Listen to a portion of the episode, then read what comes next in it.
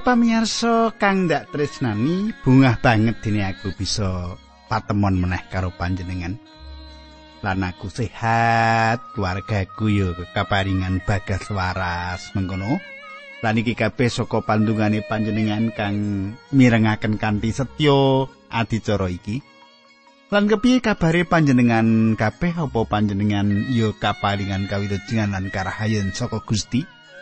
Pandugaku panjen mengkono panjenengan tangsa pinayungan tiring Gusti Kang Moho Trisno lan panjenengan jinangkung lan keparingan murah rejeki mengkono. Lan ayo nyerak aku kini supaya apa sing tak aturake karo panjenengan panjenengan cetha sugeng midhangetake adicara iki.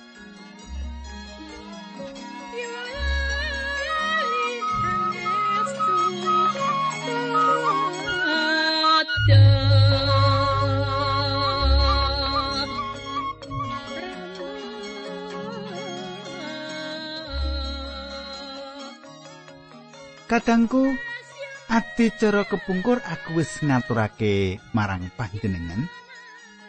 Lan panjenengan wis nyemak kanthi permati kaya ngapa nggone Gusti Allah paring pamerdi marang prengon lan bangsa Mesir?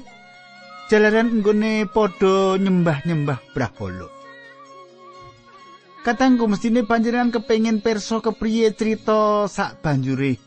Kita bakal ndedonga nanging sadurunge kuwi aku ngaturake salam kanggo sedulur-sedulur sing wis nglayangi aku yaiku Bapak Yonatan Kasyono. Pak Yonatan Kasyono kados pundi pawartos panjenengan sae-sae salam kangge panjenengan sak keluarga. Nah katangku ayo padha ndedonga dhisik sadurunge kita terusake. Duh Kanjeng Rama ing swarga kawula ngaturaken gunging panuwun menawi wekdal menika kawula saged tetunggilan lan saged sesarengan kalian sedherek kawula ingkang tuhu setya midhangetaken adicara menika. Kawula nyuwun Gusti berkahi adicara menika saged dados tepengan, tuntunan, panglipuran lan ugi bakoing iman kapiyandenan. Dinambaran asmanipun Gusti Yesus Kristus kawula ndedonga. Haleluya. Amin.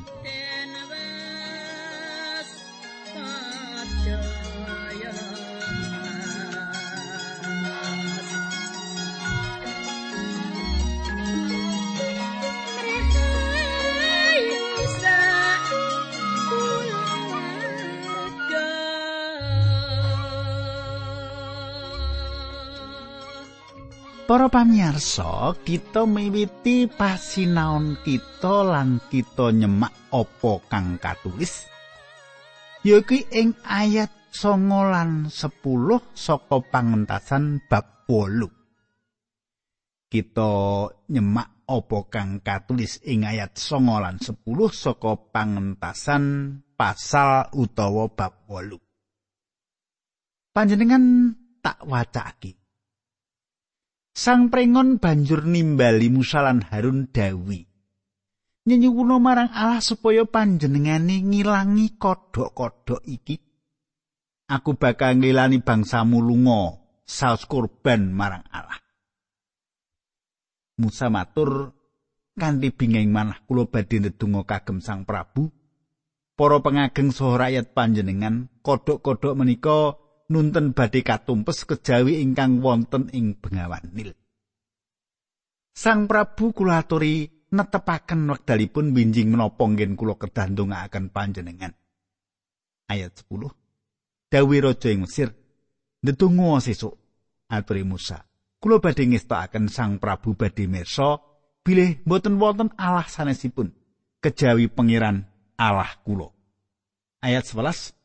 Sang Prabu para pengageng sarta rakyat badhe luar saking gangguaning kodhok-kodhok menika kodhok-kodhok badhe ical sedaya kejawi ingkang wonten ing Bengawan Nil. Katengku kang dak tresnani pringon tansah dikancani para juru rama. Juru tenung, juru sulap sing kabeh mau dadi wong-wong sing diajak tetimbangan ing samubarang prakara. wis padha kita mangerteni yen para juru panujume prengon ora bisa nimbangi kabeh pangeram-eram sing ditindakake Musa. Wis padha kita ngerteni yen para juru tenung juru panjongko pringon ora bisa nimbangi kabeh pangeram-eram sing ditindakake Musa lan Harun. Malah wewelak sing paling keri iki padha ora bisa nimbangi babar pisan. Sumitraku, panjenengan pirsa yen para juru-jurune mau malah ketaman wewelak mau malah juru-jurune mau ketaman wewelak mau bisa uga mergo isin wong-wong mau padha mlayu ngintar mlayu sifat kuping ninggalake papan iku sing sepisanan Allah ngurus wong-wong Mesir lan kabeh kewane padha entuk paukuman nuli Allah ganti ngukum badane manungsani. Para imam uga padha nandang lara kanthi mengkono para imam ora bisa mimpin upacara manembah marang dewa lan dewine. Lah wong lara ora iso mimpin ibadah. Nuli banjir geteng bengawane nganti padha ora bisa resik. Dadi kabeh najis. sing mesti wae ora bisa nyedhaki para dewa lan dewine nek najis ora bisa nyedhaki para dewa lan dewine sabanjuri ana mangsa sing lowong kanggo manembah para brahala sing nyasarake mau tinggalan kuno ing kutha Memphis iki wis kena diarani ora ana tanda-tandane nanging para arkeolog bisa ngira jembari kutha Memphis iki saben dalan gedhe mesti ana wewangunane kuil. Ana sewu kuil ing kutha Memphis sing wis pepak dalah para peladuse. Panditani. Banjur tekane penyakit bangsane wudun sing ngenani para imam-imam mau. Kabeh kuil padha libur. Kaya-kaya lampune kuil mau sangsaya mbleret sing wusanane mati pet peteng dedet. Apa panjenengan bisa menggalih saebo sepini kahanan. Jalaran para imam masyarakat Mesir kabeh kena penyakit kulit iki. Agama brahala sing nyasarake wong Mesir iki macet. Ora ana kegiatan apa-apa. Bisa uga ing saben kuil sewu kuil ing Memphis padha ditulisi kuil ditutup jalaran Bapak Imam loro. gitu. Padha ditulisi, kuil ditutup jalaran Bapak Imam loro. Saiki ayo panjenengan maos pangentasan 8 ayat 13 lan 13. Musa lan Harun banjur mundur sarta ndedonga marang Allah nyuwun ilangi kodhok-kodhok mau. Gusti Allah nyembadani panyuwune Musa, mula kodhok-kodhok ing omah-omah ing pekarangan lan ing pategalan padha mati kabeh. Kadangku senadyan prengon wis wudunen sakudur awake, Allah isih tetep ndawi abdi kinasih Nabi Musa. Bola bali Allah ndawuhake supaya umate padha diidini kanggo ngabekti marang Allah.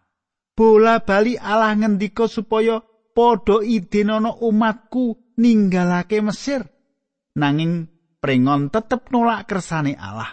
Atine prengon tetep keras. lan wangkot.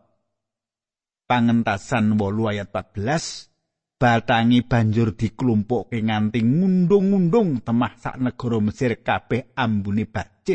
Ayat 15 Nalika kodhok-kodhok mau wis padha mati raja ing Mesir tetep mangkotake galiye lan kaya sing dingendikake dening Gusti Allah tetep ora miyarsake ature Musa lan Harun. Ayat 16 Gusti Allah nuli ngendika marang Musa Harun kono nyabetake tekenmu ing lebune bumi supaya lebu mau dadi lemut ngebaki tanah Mesir kabeh. Ayat 17. Musa lan Harun banjur padha ngistokake sak dawi Allah. Dene Harun ngacungake tekene nuli nyabetake teken mau ing lebune bumi, lebu mau dadi lemut lan padha ngeroyok manungsa lan kewan. Katanggu.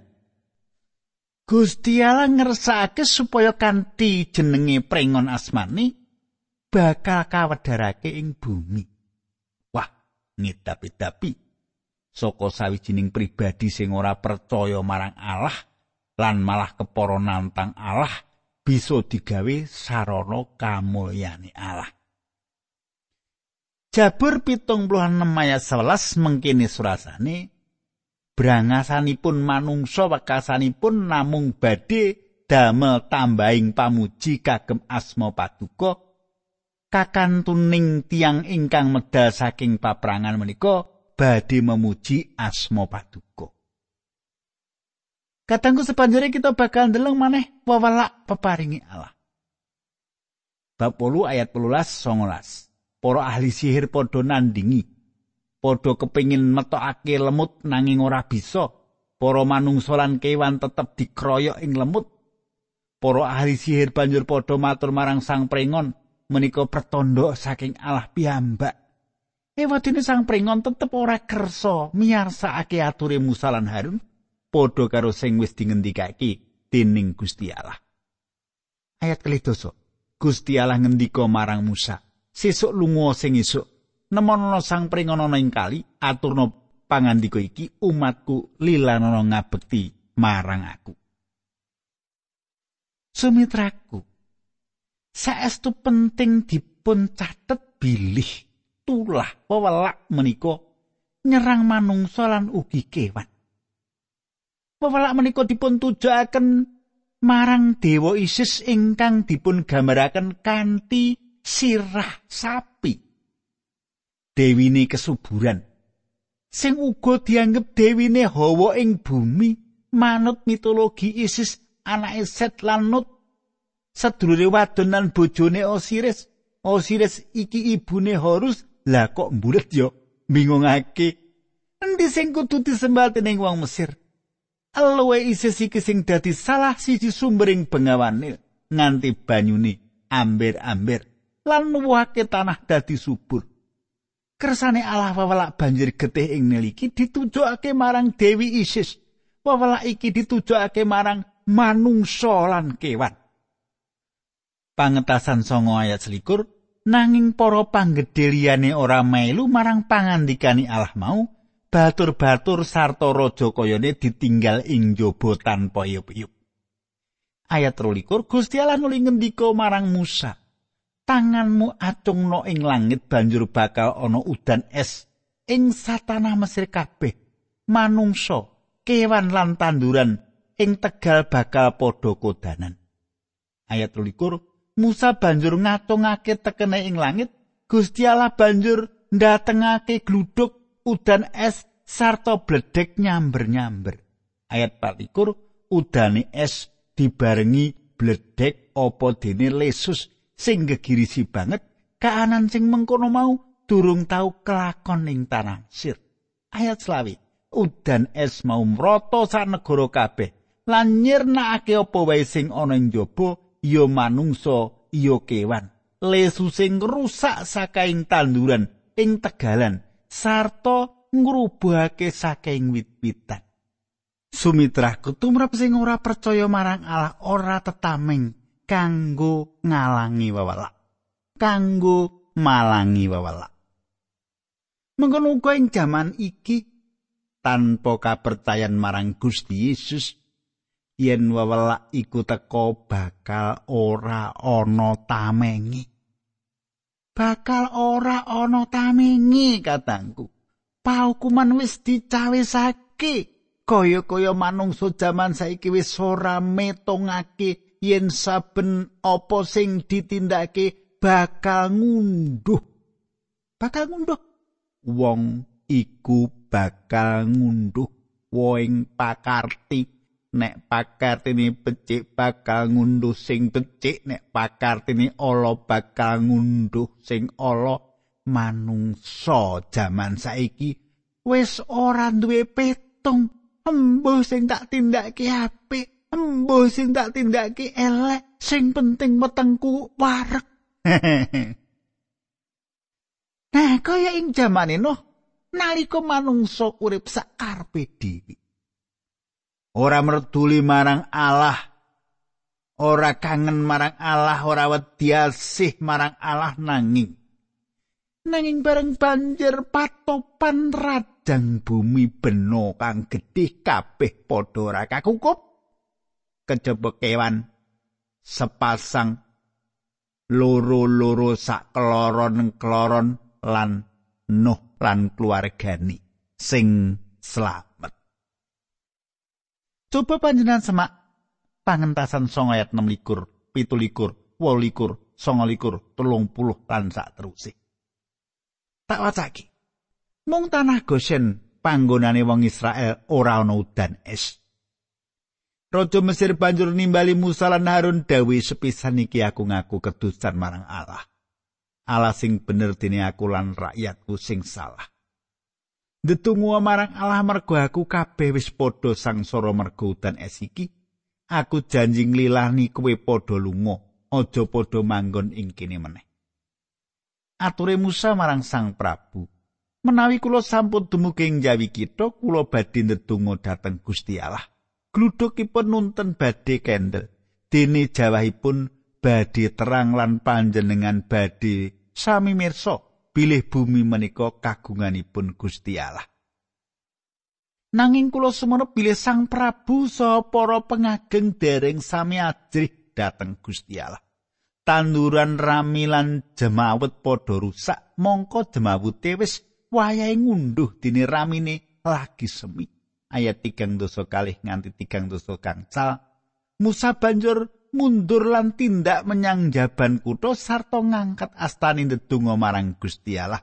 Sanalika gluduke lan udane es sirep sarta udane banjur terang. Bareng sang pringon pirsa karan mau banjur mbacutake nggone gawe dosa raja lan para panggedhe tetep mangkotake penggalihe kaya adati. Sang pringon orang lilani wong Israel budal kaya sing dingendikake dening Gusti Allah marang Musa. Sumitraku. Allah nuju ngajar wong Mesir ing pambudidaya supaya bisa mbangun lan nyadarake saka ibadah kang kesasar. Supaya wong Mesir eling nek apa sing ditindakake anggone manembah iku kapercayan kang kesasar pringon kang dadi jedering pemimpin terus mangkotake atine. Kadangku kita ngancik bab 10 ing bab iki kita bakal nyemak kepriye pringon diancam karo walang. 10 ayat siji Gusti Allah dawuh marang Musa. Mangkato sowan sang pringon raja mau lan para penggedene wis ndak dadekake wangkot atine. supaya aku bisa gawe kaelokan-kaelokan ing satengahe wong-wong mau.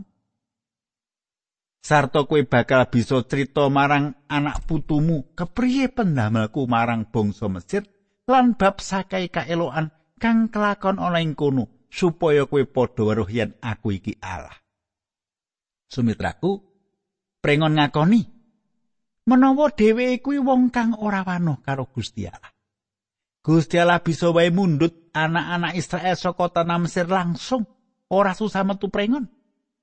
Menawa nganti Gusti Allah nggone mundut wong-wong Israel ora metu prengon mula wong-wong sing gaweane maido kaya kene kitab suci. Baya kondo menawa Gusti Allah iku adil marang prengon. Kudune panjenengane maringi wewengan marang prengon supaya ngidinake bangsa Israel lunga. Lan kudune Allah maringi wewengan marang prengon supaya dhewe nampa kawilujengan nanging sejatine ya kaya mengkono iku sing ditindakake Gusti Allah Sumitraku Gusti Allah ngersakake ngetingalake marang umat kagungane. Apa kang bisa ditindakake? Sadurunge panjenengane nuntun umat kagungane kuwi menyang ing ora-ora samud Allah ngersakake wong Israel ngerti menawa Gusti ku kagungan kuasa ngentasake bangsa iku saka tanah Mesir lan mapalake ing tanah kang wis diprastiake marang Abraham, Iskak lan Yakub. Katengku kang dak tresnani. Tenan ngidapi-dapi. Tenan ngidapi-dapi. Kaya-kaya Gusti Allah kepengin supaya bangsa iku ngerti nek sing nuntun saka Mesir kuwi Allah kang pantes disembah. Allah kang duwe kuasa kang ora winates sing apa wae. Allah kang kagungan satunggaling kasekten kang ora iso dibandingi sapa wae. Kadangku kepiye panjenengan? Kepiye panjenengan opo panjenengan wis ngrasakake wis ngakoni menawa Gusti Allah sing disembah iku Gusti Allah kang kagungan panguwasa kang ora bisa winatesan apa wae panjenengan duwe kapercayan sing mengkono apa sak suwene iki panjenengan ora merduli ora mertuli marang Allah, ora ngibadah marang Allah, malah panjenengan wektune dintekke kanggo golek kasenengane dhewe. Golek penak mudele dhewe. Ora tau nang gereja. Wah, diparani Pak Pendeta wis mbinjang mawon nek napa meniku kariputan kula sampun rampung, Pak.